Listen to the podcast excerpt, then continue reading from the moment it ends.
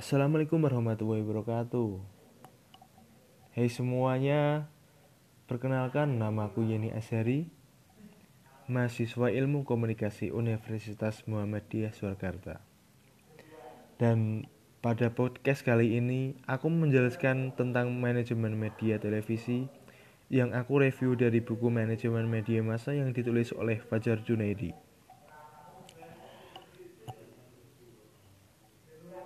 Perkembangan media penyiaran di Indonesia mengalami lonjakan pesat pasca reformasi tahun 1998. Sistem politik yang sebelumnya otoriter di masa Orde Baru berganti dengan sistem politik yang lebih demokratis.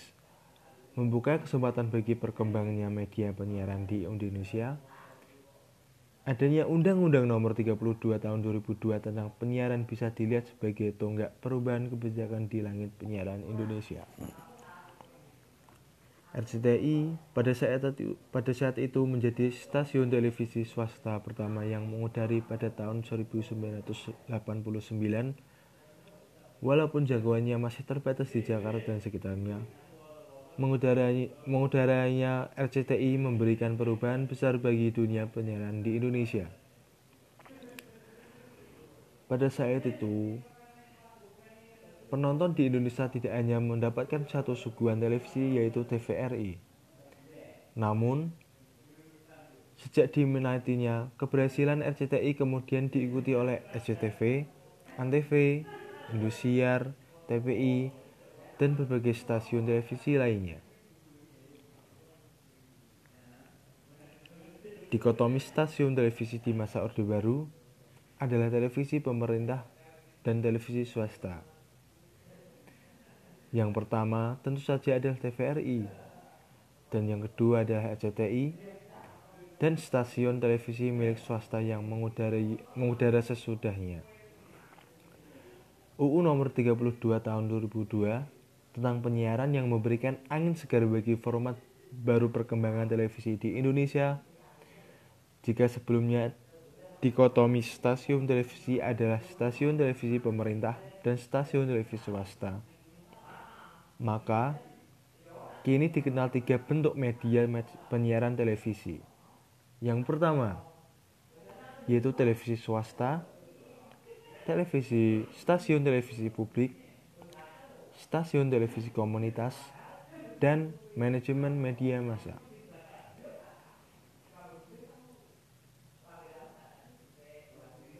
Manajemen media massa ada teori aplikasi, dan riset stasiun televisi berlangganan.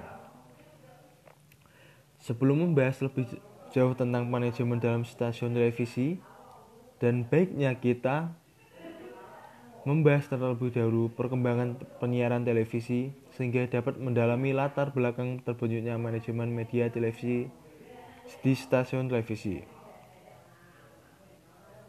Dalam sejarah perkembangan televisi menjadi latar dan terbentuknya programming dalam penyiaran televisi. Jika, ditelev jika ditelusuri dari sejarahnya, perkembangan teknologi televisi dapat dilacak mulai perkembangan pada tahun 1923. Dan pada saat itu, Vladimir K. Georgik, seorang pegawai di Washington, memper mempatenkan tabung gambar televisi yang di dalamnya terdapat ikon skop. Empat tahun kemudian, bersama dengan MBC, mengorganisir siaran radio seringannya. Namun demikian, sebelum mereka menemukan teknologi yang kemudian dikenal sebagai televisi, Konsep tentang televisi sebenarnya telah ditemukan oleh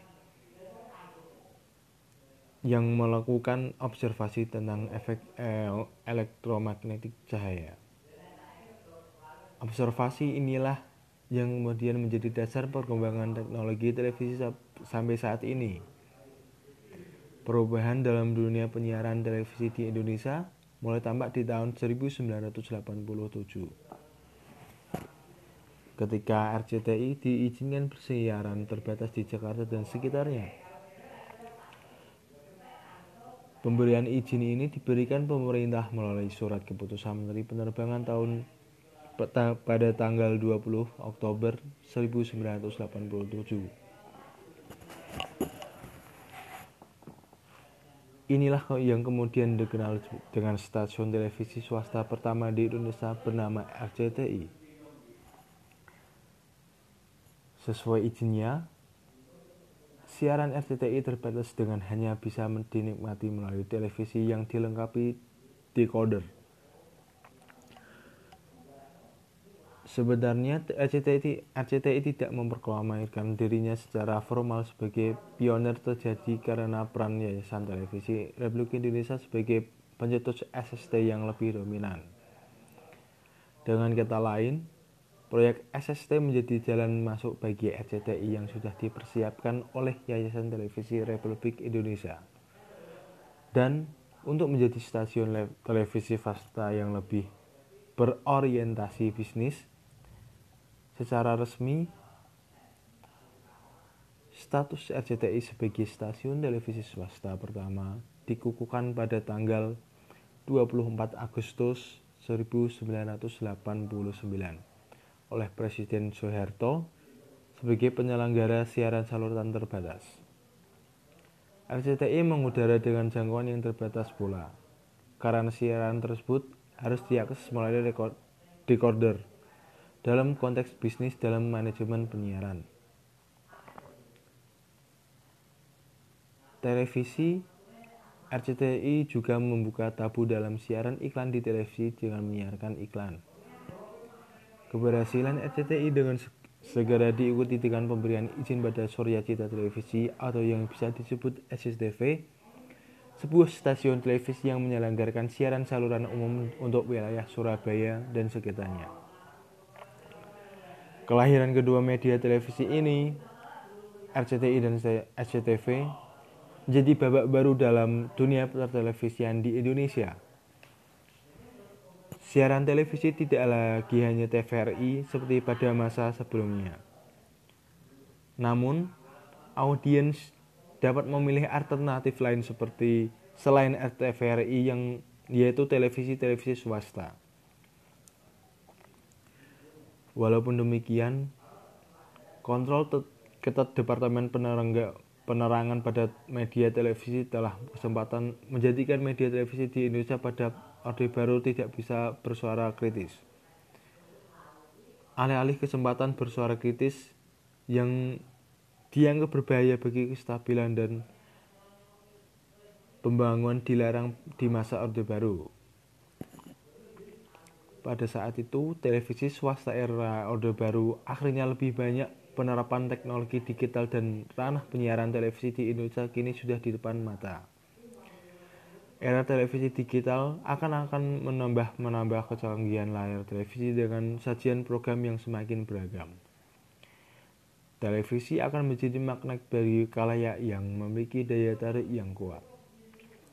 Polesan teknologi digital akan menambah kualitas gambar dan suara pesawat televisi. Televisi digital pemerintah penonton akan dimanja dengan beragam fasilitas yang belum pernah ada dalam teknologi analog yang belum pernah dinikmati sebelumnya. Telinga penonton akan dimanja dengan kualitas suara yang berkelas. Demikian juga mata penonton akan dibuai dengan gambar yang berkualitas bersih dan tajam. Bahkan kalau pada suatu hari nanti menjelajahi internet tidak lagi repot perlu repot-repot menyalahkan komputer jika program konferensi internet dan broadcast sudah sempurna.